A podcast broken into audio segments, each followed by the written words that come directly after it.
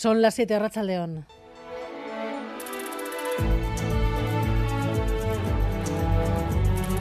Gambara con Arancha García.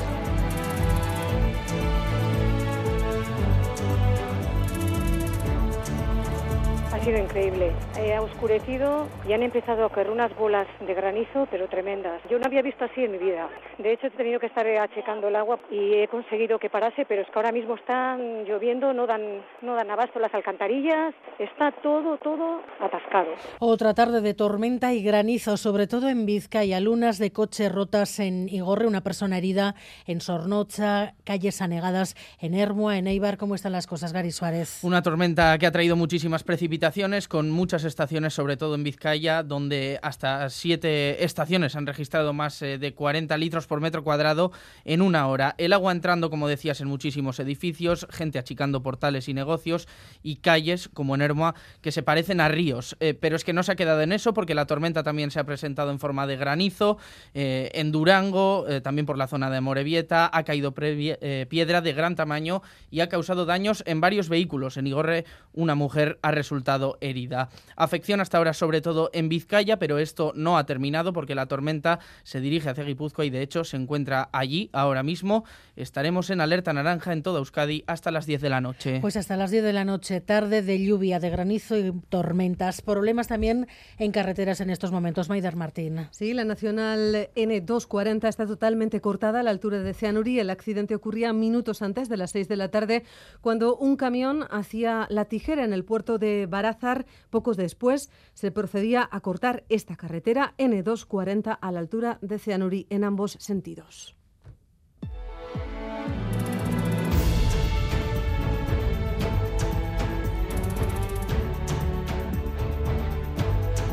En Cataluña, la Diada pone el termómetro en la calle a las negociaciones en Madrid, a las prioridades y a las estrategias de futuro.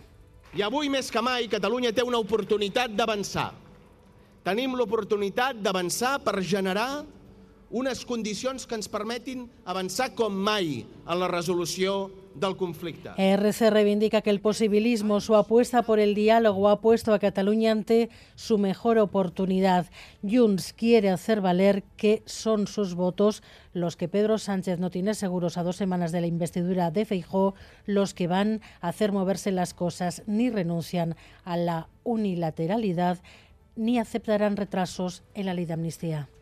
No renunciem a res per defensar la nació. Pot ser per acord, però si no és per acord, no renunciem doncs, a totes aquelles accions de manera unilateral. Per què? Perquè renunciar a la unilateralitat seria tant com renunciar a la nació. Mayale Narrative, enviada especial de Radio Euskadi a Barcelona, Racha León. A Racha León, sí, manifestación masiva con la independencia en el horizonte.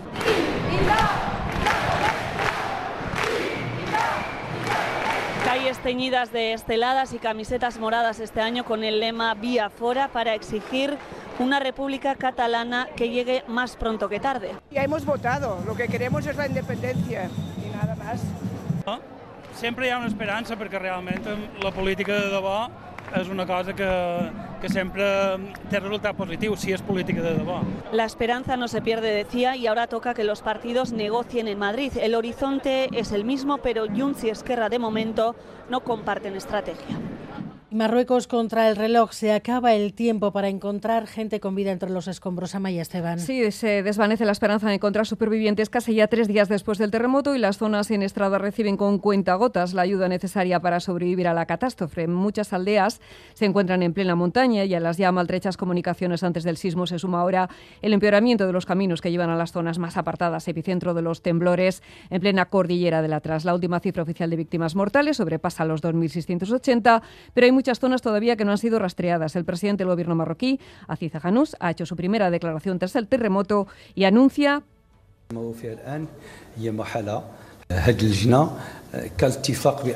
Indemnizaciones para que los ciudadanos que han perdido sus casas puedan reconstruirlas, mientras asegura que buscan soluciones para alojar a estas personas hasta que construyan sus casas. Rabat no ha dicho sí a toda la ayuda internacional ofrecida y a la que le ha permitido el acceso tiene serias dificultades en llegar hasta la zona siniestrada. Asmimir es una de las aldeas hasta donde ha podido acercarse nuestro compañero Miquel Ayestarán.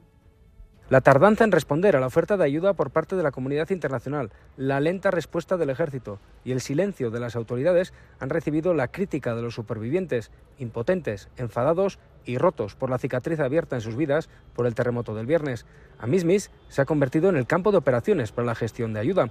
Este, esta localidad, a las faldas del Atlas, es también el lugar donde la gente de las aldeas más afectadas busca refugio. Lamentan que la ayuda ha llegado tarde y piensan que es un milagro encontrar aún gente con vida bajo los escombros. Miquel, ahí estarán desde el Atlas, el epicentro de este terremoto, y la Audiencia Nacional ha admitido ya la querella contra Rubiales. Ya ha pedido, de hecho, los primeros vídeos sobre el beso no consentido a Jennifer Hermoso. Tres semanas ha tardado en presentar la dimisión sin reconocer eso sí haber hecho nada mal. Y lo ha hecho además en una entrevista en Reino Unido ante un periodista conocido por sus comentarios machistas. John Fernández Moore. Más de 40.000 quejas ante el regulador de los medios de comunicación británicos lo respaldan. El Spears Morgan, quien el 8 de marzo tuiteó que a ver cuándo terminaba el Día Internacional de la Mujer, que él tenía hambre. Quien ha elegido Rubiales para dar su versión es alguien que afirma que, ¿por qué? Para empoderar a las mujeres, hace falta destrozar a los hombres. I thought feminism was about equality. Why does empowering women always have to be about trashing men? O alguien que durante sus años al frente del matinal de ITV dejaba comentarios como estos a otras presentadoras. Laura, let's talk for a moment about your leather shoulder pad. You can't wear something like that and not expect immediate focus on it. Comentarios sobre su vestimenta a la presentadora del tiempo, a la que le decía que vistiéndose así no podía esperar no atraer la atención.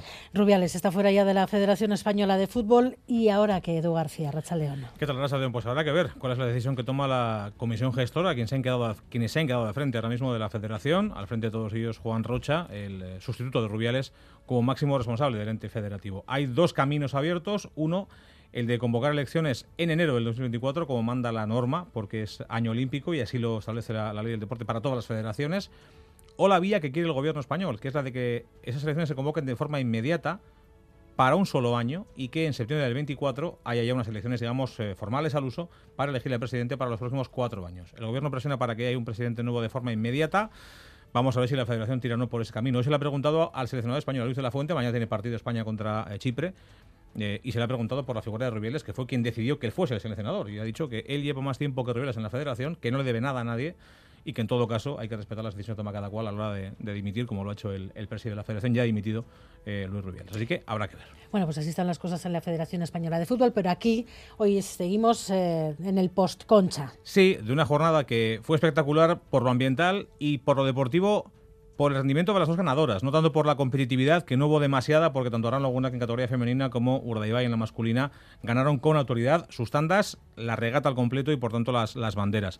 Hoy eh, arrancamos temporada además en Kirolgawa, volvemos a nuestro horario habitual de las 10 de la noche y charlaremos con Iker Zabala, preparador de Urdaibai, y con Itziar Eguren, la presidenta de Arano Lagunac, para que nos cuenten cómo han vivido este post, un día que para ambos clubes fue largo el de ayer, Bermeo además en fiestas, y Donostia, que aunque no lo estaba, casi se convirtió en una fiesta más para celebrar el éxito de, de Laguna, que curiosamente ganó esa bandera en 2021 y entonces no lo pudo celebrar. El COVID se lo impidió y ayer de alguna forma celebraron casi dos juntas, aunque solo habían ganado una. Pues bien merecido. 11 de septiembre de 1973, Salvador Allende se dirigía a los chilenos pocas horas antes de morir.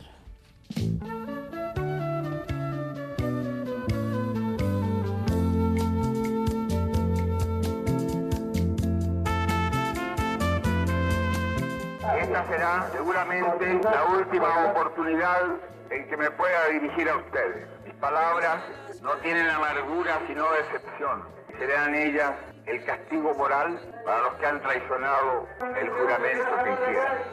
Los trabajadores deberán permanecer en sus sitios de trabajo, quedándoles terminantemente prohibido abandonarnos. Y canales de televisión adictos a la unidad popular deben suspender sus actividades informativas a partir de este instante. De lo contrario, recibirán castigo aéreo y terrestre.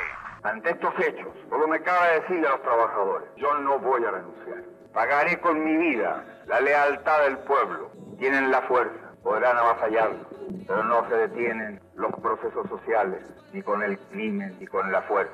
Dígale a mi general Pinochet que mi general Lick manifiesta que es correcto y que ataca de inmediato la moneda y Tomás Moro con cuatro aviones de combate. Deme rollo. Recibido, conforme. El pueblo debe defender, pero no sacrificar. El pueblo no debe dejarse arrasar ni acribillar, pero tampoco puede humillar. Tengo fe en Chile y su destino.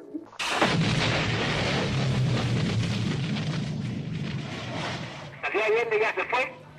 Hay una comunicación, una información de personal de la Escuela de Infantería. Por la posibilidad de interferencia la voy a transmitir en inglés. They say that Allende committed suicide and is dead now. Viva Chile, viva el pueblo, vivan los trabajadores. Estas son mis últimas palabras. Tengo la certeza de que mi sacrificio no será en vano. Jugará en una alameda y cantará con sus amigos nuevos. Y ese canto será el canto del suelo a una vida cegada en la moneda. Yo pisaré las calles nuevamente de lo que fue Santiago ensangrentada. Y en una hermosa plaza. 50 años de esos acontecimientos en Chile. Además, decirles que el servicio de metro está interrumpido entre las estaciones de Casco Viejo e Indauchu. Miguel Ortiz y Alberto Zubeldía están en la dirección técnica, Cristina Vázquez en la producción.